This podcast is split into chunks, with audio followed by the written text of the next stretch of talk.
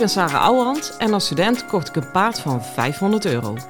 Toen hij 22 was, startte ik hem Grand Prix. Hij had nog nooit aan de teugel gelopen, dus het ging allemaal niet vanzelf. Het enige wat ik zeker wist was: never quit.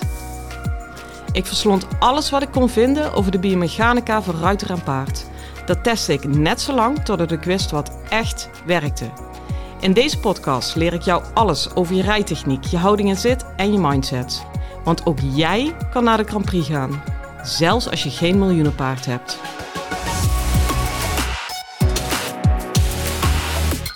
Hi lieve paardenmensen. Nou, wij zijn er maar. Het voorjaar wil niet echt, echt optimaal beginnen. Dat is een beetje jammer. En voor de rest uh, heb ik echt een perfecte dag vandaag. Lekker rustig, maar wel één iemand in de praktijk met een hele interessante ingang. En ik dacht, die is ook echt raak voor jullie. Dus ik deel hem uiteraard weer met liefde. En uh, ja, ik ben wel eens benieuwd. Ik hoor, sommige mensen zijn echt uh, mijn groepies. Die volgen deze podcast uh, iedere keer als hij uitkomt. Echt fantastisch.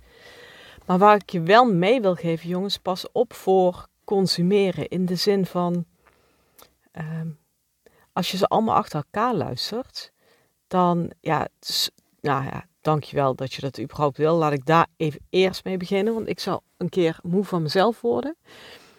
Maar um, je moet het ook echt kunnen integreren en dat heeft tijd nodig. Dus het is ook wel eens een overweging waard om gewoon eens een podcast te luisteren. Die echt te integreren in je rijden en dan weer verder te gaan.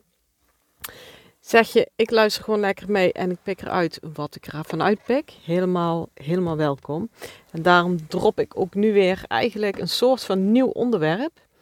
Dat is het rijden van een goede volte. Maar dat is voor mij meteen het rijden van een goede keertwending. En uiteindelijk het rijden van een goede pirouette. Ik heb deze in mijn tekst en op Facebook wel eens wat meer uh, aangehaald. En vandaag was iemand bij me, nou die komt al sinds jaar en dag bij me. En zelfs zij was het vergeten. En dat doe ik dus mee van, ja, dit is dus het verschil tussen het van mij horen en het weten en het snappen en het consumeren. En het echt integreren in je rijden. Het heeft gewoon meer tijd nodig. En zelfs ik, ik ben degene die het allemaal loopt te verkondigen. Ook ik betrap mezelf erop dat ik het soms laat schieten of weer een laag dieper, et cetera. Dus ik neem je opnieuw mee naar het maken van een goede wending, een goede volte. En de cruciale tip daarbij, ook om van een terugwerkende binnenhand af te komen, is: je rijdt een volte niet vanaf de binnenkant, maar vanaf de buitenkant. Knoop deze voor eens en voor altijd in je oren.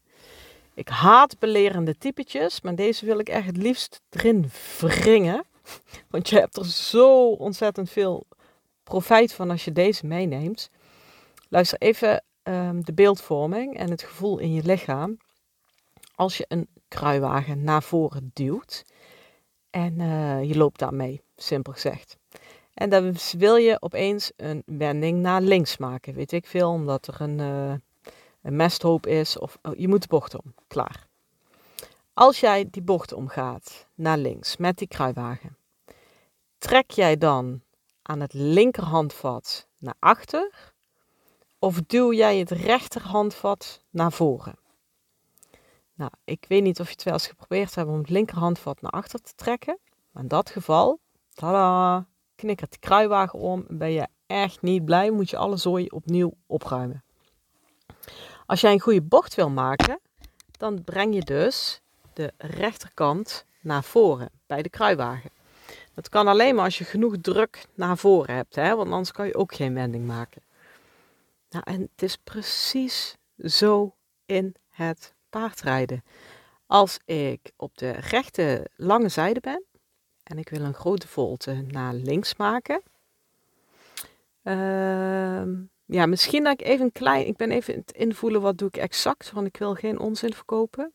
Ik maak inderdaad wel heel even de binnenkaak zacht met een klein ophoudingje daar. Maar daarin loopt hij nog steeds vooruit.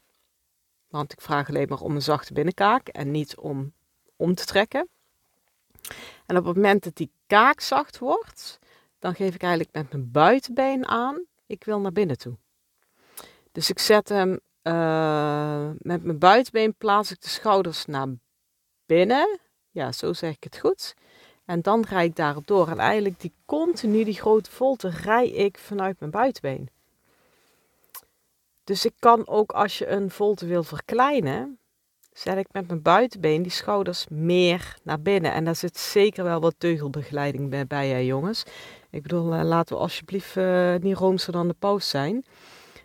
Alleen teugels zijn bij mij geen primaire hulp, maar een secundaire hulp. Dus het begint bij mij in de aansturing van mijn bekken en in dit geval uiteindelijk mijn benen.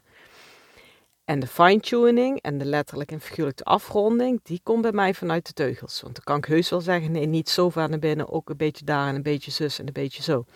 Schouder binnenwaarts hetzelfde. Met mijn buitenbeen tik ik die schouders naar binnen. Komen die schouders dan te veel naar binnen, dan maak ik een ophouding aan mijn buitenteug van vriendje, wel even op dit spoor blijven. Snap je? Maar als je het omdraait en je begint met de teugels, nou geheid dat je een terugwerkende binnenhand krijgt. Want dat is ook bij een keertwending. Ik weet niet wat ze allemaal zitten te wringen en te vrotten dan. Maar die is echt poep en poep simpel als je hem vanuit je buitenbeen draait. Dan blijft natuurlijk wel over de stelling en buiging. Maar bij mij gaat het echt voor dat hij bijna hoekig door zijn volte gaat vanuit het buitenbeen. En daarna kom ik met mijn binnenbeen. Daar vraag ik iets van zachtheid in de binnenribben. Ik wil al niet zeggen buiging, want dan gaat iedereen weer dat binnenbeen er tegenaan persen, want dan moet hij omheen vouwen. Nou, ik weet niet met hoeveel kracht jij een paard van 700 kilo kan opvouwen, maar mij is het nog nooit gelukt. Dus ik heb het graag over het zacht maken van de binnenribben. Dat is een heel ander gevoel. En dan kun je gaan spelen tussen het buitenbeen en het eh, eh, binnenbeen. Dan kun je zeggen, oh wat scherper naar binnen. Wordt hij daardoor weer strak aan zijn binnenribben. Maak ik met mijn binnenbeen weer zacht uh, op zijn ribben. Gaat hij daardoor weer te veel naar buiten, tik ik met mijn buitenbeen weer naar binnen. En dan krijg je een spelletje. En dat is exact hetzelfde spelletje als in de werkpirouette. Daarom zeg ik, als ik iemand zie galopperen op een volte, kan ik met 95% zekerheid inschatten hoe een pirouette gedraaid wordt. Dat is geen hogere wiskunde. En een pirouette is echt alleen maar vanuit de buitenkant doordraaien. Als je dat met je binnenkant moet doen, dan, dan trek je me om zijn as, dan red je niet. En dat is hetzelfde bij de keertwending. Hetzelfde verhaal, die draai je vanuit buiten. En wat die dan strak wordt aan de binnenkant, en dat noemen ze dan dus weinig stelling en buiging. Dat maak je zacht in de ribben met je binnenbeen. Oké, maar het begint met een goede inzet draai naar binnen.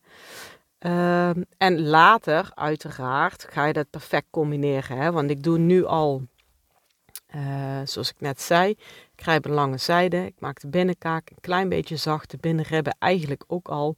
Dan kom ik met mijn buitenbeen en dan heeft hij eigenlijk in één pas, anderhalve pas, zowel zijn binnenribben zacht als het buitenbeen. Uh, het is een beetje paardafhankelijk. Die van mij moet ik aan de binnenkant een beetje alert zijn op die ribben. Ander paard het heel makkelijk naar buiten valt, ben je gewoon veel alerter dat je met je buitenbeen op tijd opzij zet. Ja, en zo draai je door. En draai dat heel klein door, heb je de keertwending of de pirouette. En draai dat maar minimaal door, heb je een grote volte. Maar het is hetzelfde. Ja, daar, daar ben ik altijd voor aan het pleiten van... Daarom strooi ik ook zo makkelijk met die hogere oefeningen, want die maken zo goed duidelijk of je basis in orde is. Uh, dit, dit, is er weer zo een. Dit is ook al uh, hoe draai je een scherpe AC-lijn op vanaf je buitenbeen. Dan is hij ook in één klap recht. Snap je? Nou, deze was zeer helder, kort en krachtig. Um, nou, ik zou zeggen, pak dit echt eens mee in je rijden. En voordat je dit geïntegreerd hebt, bij nog wel even zoet. En gelukkig, hè, want anders hadden we niks meer te doen. En was de puzzel die dressuur heet al lang en breed gelegd. Moeten we helemaal niet willen.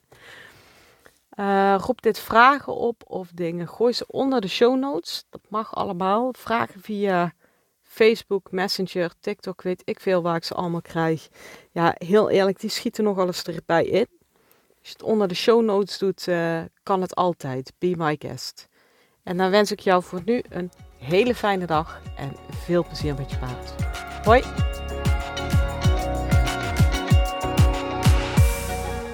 Lieve ruiters, dit was hem weer voor vandaag.